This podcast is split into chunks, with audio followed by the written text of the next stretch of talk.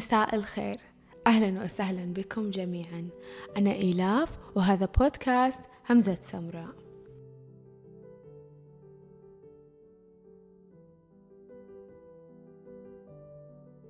قبل كل شيء أحب أعتذر منكم على التأخير اللي صار في تنزيل الحلقات. طبعا حلقة الأسبوع هذا كانت جاهزة أساس الأسبوع اللي راح. جاهزة ومكتوبة حتى إني سجلتها.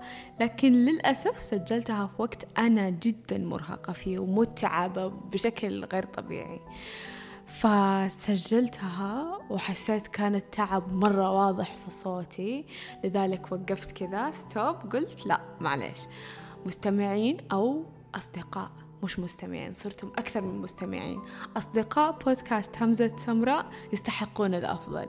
لذلك قررت أني أنا أسجلها على هذا الأسبوع وأتأخر أسبوع زيادة. يعني في كل تأخيرة خيرة وزي ما أقول لكم دائما أقدم لكم ثرثرة تليق بمسامعكم.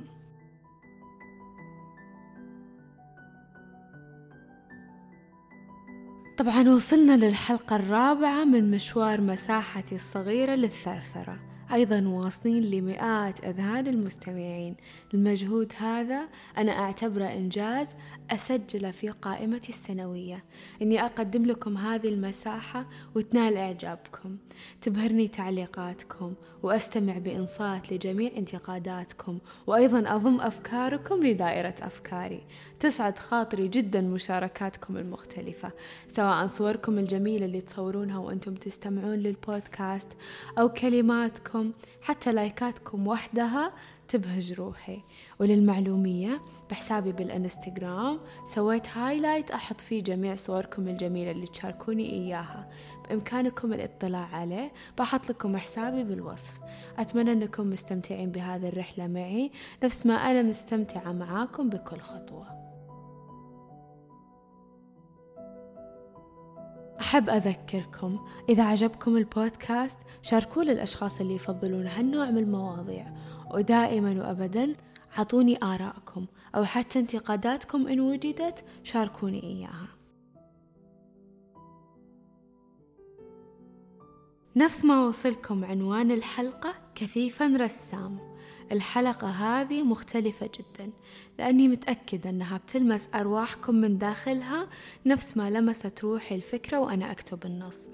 أيضا في هذه الحلقة أنا ما أطلب منكم التعاطف أبدا أنا أطلب منكم الوعي ثم الوعي ثم الوعي وفقط الوعي. واللي أقصده بالوعي إن أذهانكم تعي ما أقوله قبل قلوبكم لأني متيقنة أن الوصول للوعي أصعب من الوصول للقلب. وأيضا الوعي يغلب القلب في الغالب.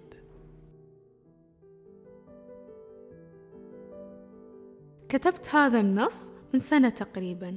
كنت مرة أدور بحسابي بالإنستغرام في ال explore وللمعلومية أنا أحب الرسامين جدا. صح أني أحب كل الفنون وأقدرها لكن الرسامين خصيصا أحسهم يملكون مشاعر ويجيدون وصفها بأكثر من شكل. مالكم بالطويلة في أثناء لفتي على ال explore طلع لي فيديو لامسني بشكل غريب. الفيديو كان عبارة عن رسام كفيف يلمس وجه حبيبته ويرسمها باليد الثانية. هذه اللحظة بالذات لما شفته كيف رسمها بهذا الشكل كأنها هي نفسها. طبق الأصل ما قدرت أنسى الفيديو. طول اليوم كان يرن براسي وأفكر وأسأل نفسي أسئلة كثير. قبل أنام كتبت هالنص وتقمصت شخصية البنت فكتبت. ماذا لو كنت كفيفا تهوى الأقلام وترسم ما تلمسه يداك بالألوان؟ كيف ستبدو الصفحات والزهور والورقات؟ هل ستميز رائحة الصباح والمسك والمصباح؟ كيف سترسمني عندما تلمسني؟ وماذا عن نظراتي ورائحتي؟ لا أعلم عن أي من تلك الإجابات فقط أعلم أنني أحببت كفيفا يحتفظ بتفاصيلي وكل الرسمات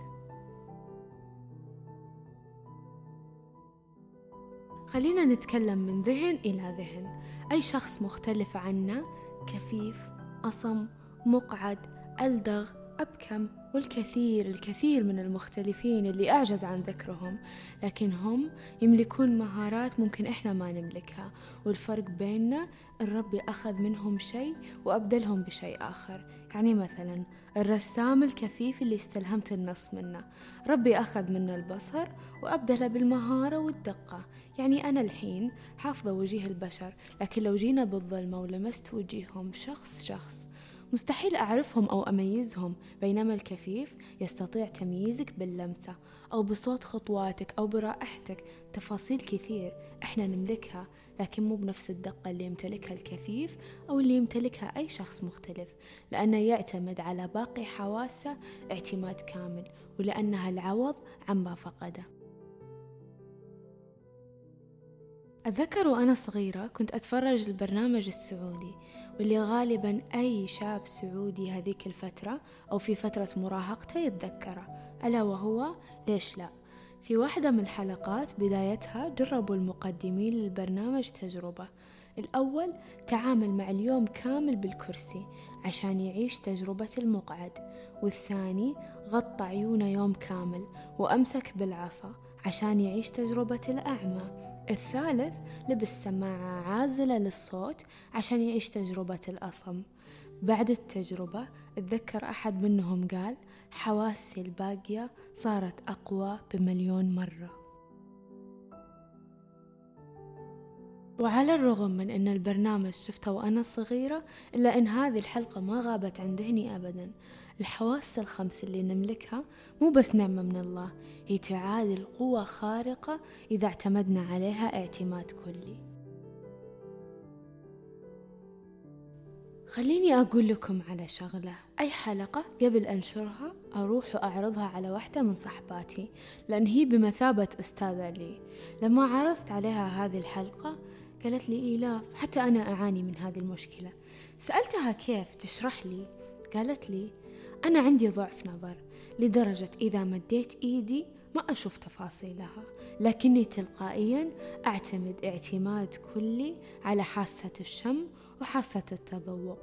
قالت أيضا أريانا جراندي عندها ضعف نظر لكنها تسمع لآخر معجب في الصف.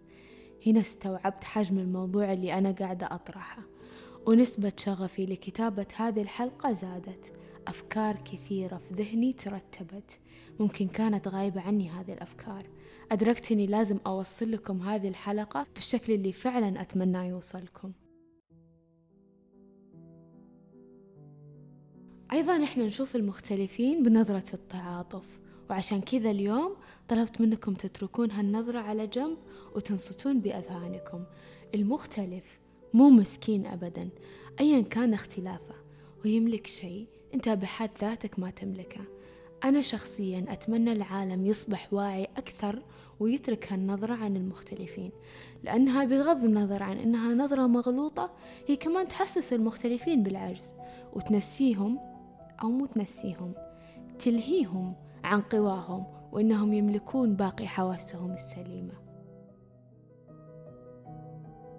قبل كم يوم كنت أتناقش مع شخص ما راح أذكر الشخص هذا لكن أبي أتذكر كلمته لي مرة كويس. قال لي الخسارة مو خسارة مال أو جهد الخسارة الحقيقية هي خسارة الوقت. خليني أشرح لكم لأن الجملة جدا عميقة. أنا الحين في هذا العمر خلينا نقول خسرت مبلغ مالي. تعرفون إن هذه ما تعتبر خسارة؟ لأني خسرتها في هذا العمر وأقدر أصنع غيرها وأضعاف أضعافها. بعكس إذا كنت كبيرة في العمر وصحتي هرمت أو طاقتي تلاشت. هنا بتكون فعليا خسارة. الحين يدور براسكم إيش الرابط بين الكلام وبين المختلفين؟ الكفيف مثلا. المجتمع يحسسه أنه شخص عاجز من خلال نظرة التعاطف. هنا يلهى وينسى باقي القدرات اللي يملكها. ممكن ما يدرك هذه القدرات إلا في وقت متأخر من حياته. كذا المجتمع أيضا مذنب في حق الكفيف أو في حق أي مختلف. اتركوهم يدركوا ويوسعوا مداركهم ويشوفوا أنفسهم أبطال خارقين. مو بس بسبب اعتمادهم الكلي على باقي حواسهم بل أيضا لأنهم يملكون دقة إحنا ما نمتلكها. أيضا في فيلم أنا تابعت منه النسخة التركية ما أعرف صراحة كم نسخة له لكن كان اسمه إلا. مثلته بيرنسات كانت صماء وكفيفة وبكماء. أنا ما راح أحرق عليكم أحداث الفيلم للي حابين يتابعوه لكن بحكي لكم جزء منه. هذه البنت إيلا كان عندها معلم يعلمها كيف تتعامل مع الحياة وهي فاقدة هذه الحواس. فعلا علمها حتى تخرجت من الجامعة. ولما سألوا معلمها كيف وصلتها لهذا الكم من النجاح؟ أجاب أنا ما علمتها كلمة لا أستطيع. أتوقع الفكرة وصلتكم وما تحتاج شرح. كل أحد فينا يقدر يكون الشيء اللي يتمناه سواء كنت مختلف أم لا. إحنا كلنا نستطيع طول ما إحنا نملك الوقت. أحيانا نحن نقنع أنفسنا بأن إحنا ما نقدر. صدقوني ترى جدا سهل تقنعون عقولكم بالأشياء اللي تبونها. يعني مثلا صار معي موقف الأسبوع اللي راح. جاتني فرصة جدا جميلة. Almost كنت موافقة. لكن بعد أول محادثة قررت إني ما راح أخذها. لكن داخلي كان جدا حزين لأني كنت أبغاها. فجلست جلسة جادة مع نفسي. كلمت ذاتي بصوت عالي بحيث إني أسمعني وكأن مني شخص آخر مقابلني. وأقنعت ذاتي إني من داخلي ما راح أزعل على هالفرصة.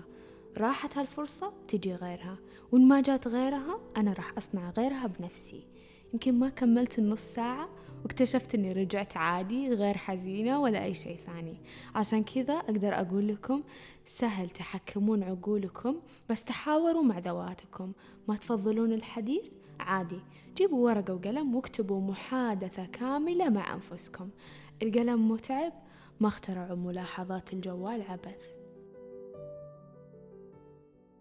مو بس التحاور مع الذات العقل الباطن يتأثر بالمحيط اللي انخالطه مليون بالمية وهذا الشيء ينطبق أكثر شيء على الصداقات.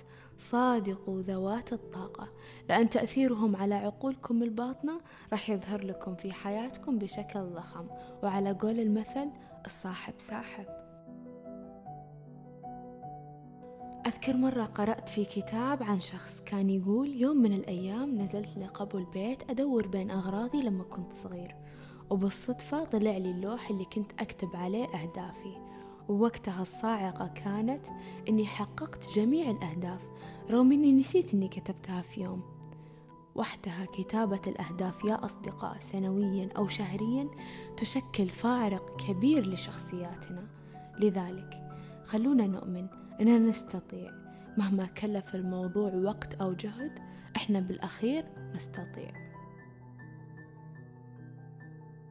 أما بالنسبة للمختلفين كتبت هذه الحلقة اليوم عشان أكون لحظة إدراك بالنسبة لكم إنكم تملكون الكثير. يمكن ما تملكون الموهبة نفس الرسام الكفيف لكن تملكون الوقت والوقت بحد ذاته عامل كافي للإدراك. يا رب إني وصلت لكم الفكرة بالطريقة اللي بغيتها توصلكم فيه. شاركوني آراءكم أو اقتراحاتكم أو حتى انتقاداتكم. هذه كانت حلقة اليوم. أتمنى أنكم استمتعتم معي وبإذن الله بالحلقات الجاية بشارككم قصص أخرى ونصوص أخرى وأيضا ثرثرة تليق بمسامعكم وتصل لأعمق نقطة من قلوبكم. كنت معكم أنا إلاف والسلام عليكم.